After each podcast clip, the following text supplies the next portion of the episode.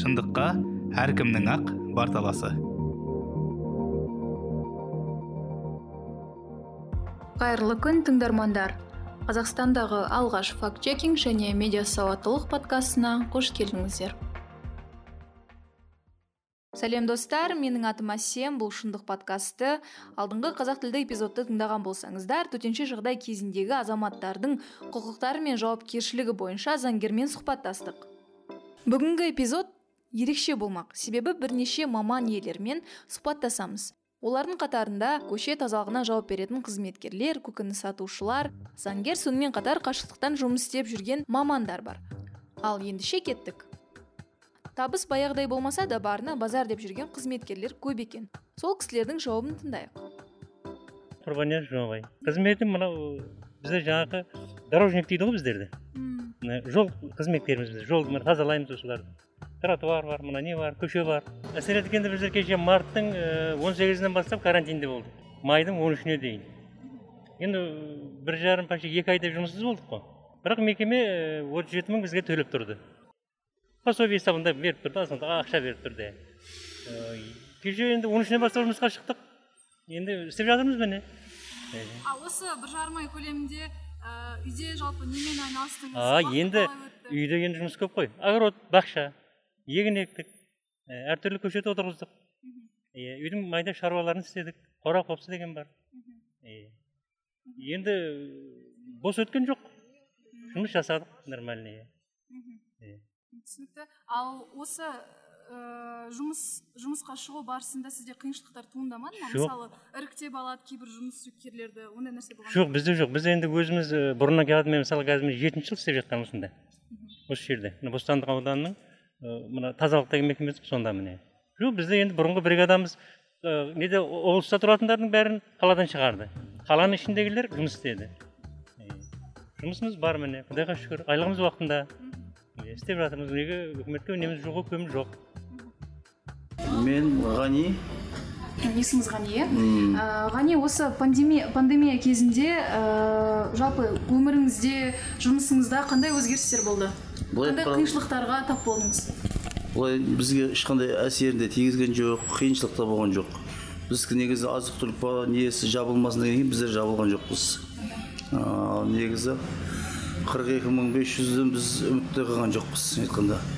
Оны қалай жіберуінде қолдануында білген жоқ содан кейін мен оған қызықпадым осыдан құдайдың бергені бар жетеді деп шүкіршілік қылып не қылдым халық болса жағдай болады ғой халықта болмаса қай жақтан болады бізде халық аз болды жоқ біршама әсерін тигізді енді сәл неміз сәл түсіңкіреп неміз күнделікті қаржымыз сәл азайып қалды басқа ешқандай қарапайым өмірден азайып қалды екі ай иә иә. Екі ай көлемінде сондай болып қалды. Қазір құдайға тауба жақсы. Азында қимылдаған қалмайды ал мынау сіз ә, келіп жатқан осы тауарлар осы көкөністердің бағасы өзгерді ме? Айтпаңыз ол, ол өте қымбат болып кетті. Көп халықтың қалтасына әсерін кері әсерін тигізді. Мына жағдаймен бұл көп адам ала бермей шамасы келмейді. Алдын бұрында жүз елу екі жүз теңгенің кезінде жұрттар екі килолап жейтін еді әзір әзір мына бағамен екі үш жүз жейді. Ол жағы да бар. Халыққа қатты әсерін тигізді бұл. Мынандай кездер болды ма сізде? Осы сатушылар келіп ә, имбирь сатып алып лимон иә сатып алған болды кездер болды болды болды болды жалпы қалай ойлайсыз ол? Неге байланысты болды? Не үшін адамдар енді білмедім ол жағы бізге қараңғы қарындаса. Бірден бірден баға көтеріліп көтеріліп кетті біз бізде күнделікті әкелетін затымызды әкеліп сөйтіп не қылып отырдық? Мгм. ал осы ә, тағы соңғы сұрақ қояйыншы. Осы имбирьдің бағасы ә, соңғы кезде ең қымбат ә, қанша теңге болды? Мен өзімде жалпы жеті мыңға дейін болды бағасы. Килограммна иә? Иә килограмм жеті мыңға дейін барды. Мхм. а так енді басқа жақтарды естіп оны нелер несі отыз мың деді он бес мың деді жиырма мың деді оны білмеймін оны көзбен көрмеген оны бірдеңе дей алмаймын. Мен өзімде жеті мыңға дейін барды бағаларым. Имбирдің. Лимонды ыыы о да барды лимон да барды үш жарым мыңға дейін барды менде.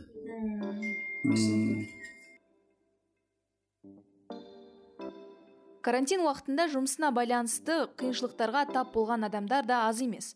Солардың бірі сәкен былай дейді. Мен кәсіпкермін.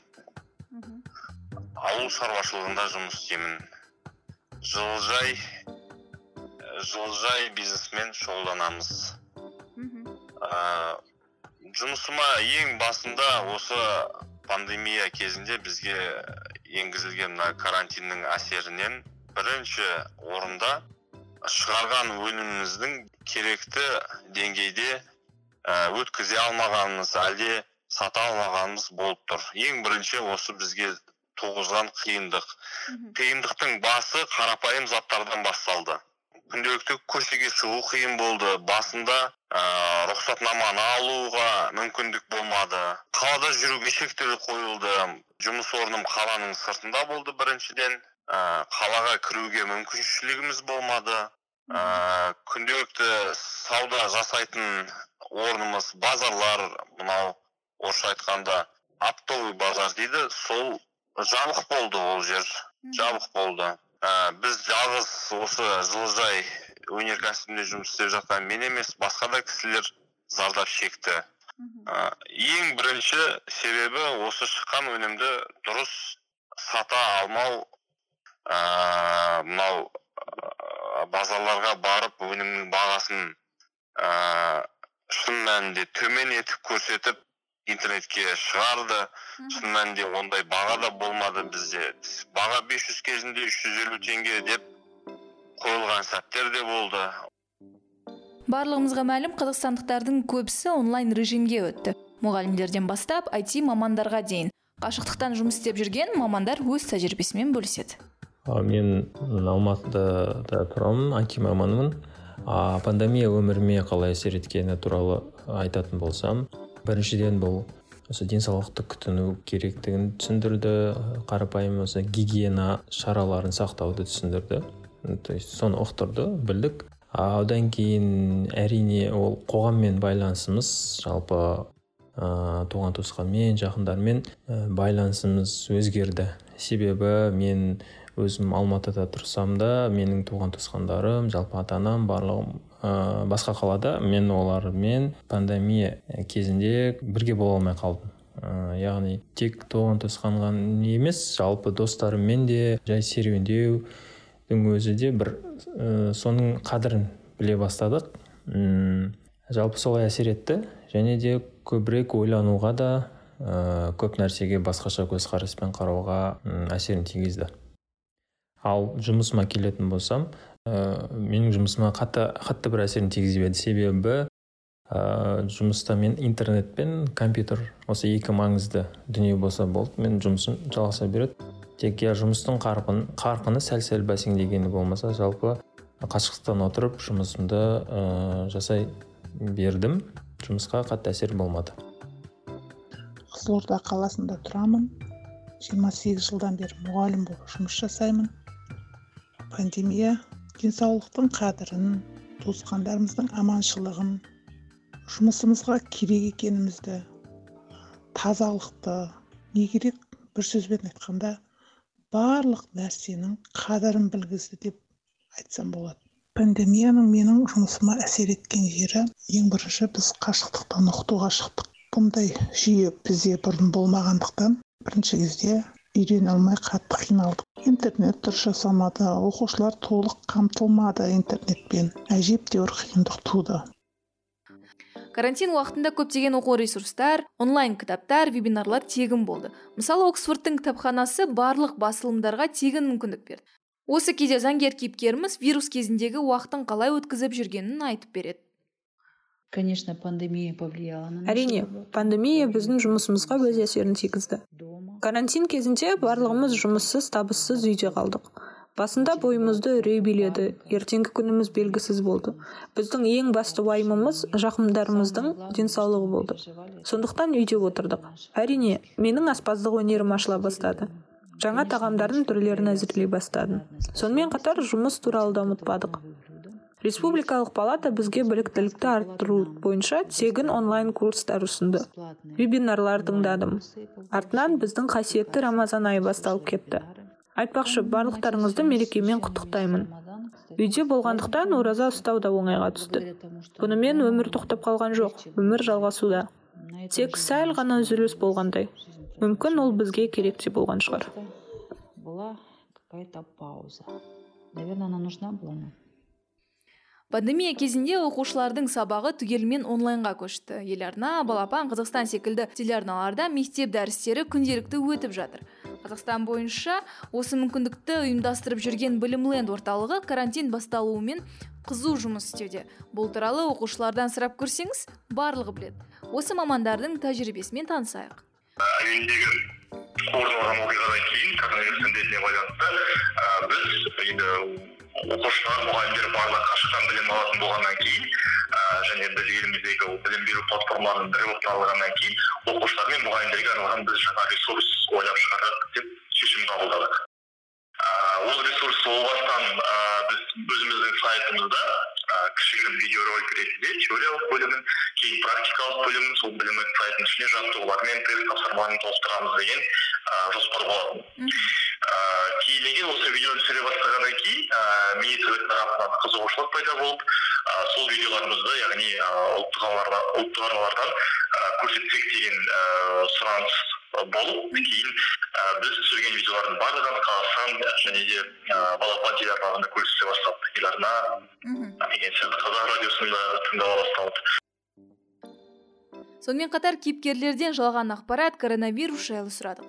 Әрине жауаптары әртүрлі болды. Арасында коронавирусқа сенбейтін жалған ақпарат жайлы қызықты пікірлермен бөлісті. Тыңдап көрейік. Любую ложную информацию пандемия кезінде таратылған кез келген жалған ақпаратты елемедім. түрлі фейк ақпаратты тыңдамауға қарамауға тырыстым.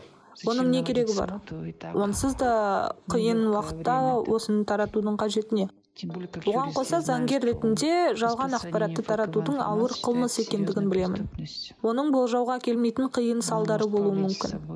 сондықтан бұған қатысты еш көзқарасты қолдамаймын және мүлдем елемеймін. не отношусь и полный игнор. Пандемия кезінде таралған жалған ақпараттарға мен өз басым сенбеуге тырыстым. Басында көп тарағанын білем бірақ сонда да осы арнайы ресми дерек көздерін іздеп солардан соларды тұтынуға тырыстым. Жалпы менің ойымша халықта осы сенімді ақпарат көзі аз болғандықтан осындай ә, жалған ақпараттар фейк фейк ньюс дейді ғой жалған жаңалықтар көп көбірек таралды деп ойлаймын. Осы коронавирус жұқтырғандардың саны артып жатқан кезде елде көптеген алып қашпа әңгімелер болды. Бірақ өзім бар екеніне сенбесем де сақтық шараларын қатты сақтадым. Сақтансаң сақтаймын деген отбасым балаларым үшін қатты алаңдадым. Сәуле сейітқызымын астана қаласында тұрам. Пандемия кезінде жалған ақпаратты тарататын өтірік айтатын адамдар жасайды деп ойлаймын. Өтірікші суайт жаны таза емес. Әйтеуір бір құйтырқы әрекеттерді жасағысы келіп тұратын. Еліне халқына жаны ашымайтын деп ұғынамын ол рас деп ойламаймын. Өйткені коронавирусқа қатысты белгілі бір әлемде мына бір затты қолдансаңыз әлде осы затты барынша ұстансаңыз жазыласыз деген нақты ақпарат бізге ешкім айтпады мемлекет жанынан да. Ешқандай ақпарат келмеді. Енді қайда мен өтірік алданбайтын шығар енді? Қара күнде енді нені кешкі ақпаратты қараймыз ғой. Сонда коронавирус кейде өсіп кетеді жүзден асып кетеді кейде бір қырық елу кейде бір жиырманы көрсетеді. Иә енді кешегі бір көргенімізде бес жүз сексен бес деп қойыпты қазақстан бойынша. Соның үш мыңдайы жазылған. Ақпаратқа енді сенеміз ғой енді. Сенбей қалай сенбейсің енді? Көрсетіп жатыр телевизордан. Мысалы кейбір тұрғындар коронавирустың бар екендігіне сенбейді. Бірақ соның өзінде әйтеуір сақтық шараларды орындап сөйтіп жүргендер болды. Сіз жалпы өзіңіз қалай ойлайсыз? Бұл рас па? Әлде өтірік па? Рас шығар рас болады ғой енді. Рас болмай өтірік алдамайтын шығар енді. Енді ол мысалға өтірік болған жағдайда не істейді? Сонша халыққа қалай енді? Оған ақша беріп жатыр. Кеше ана президенттің өзі айтып жатыр. Төрт миллион біздің қазақстанның азаматы не алған? қырық мың бес жүз теңге алған. Енді оны өкімет былай тегіннен тегін бере салмайды ғой. Значит бар деген сөз? Осы сіз пандемия кезінде жалпы жалпы өзіңіздің өміріңізде жаңалықтарды қайдан оқисыз және де ә, қазір телеарнада болып жатқан жаңалықтарға сенесіз ба?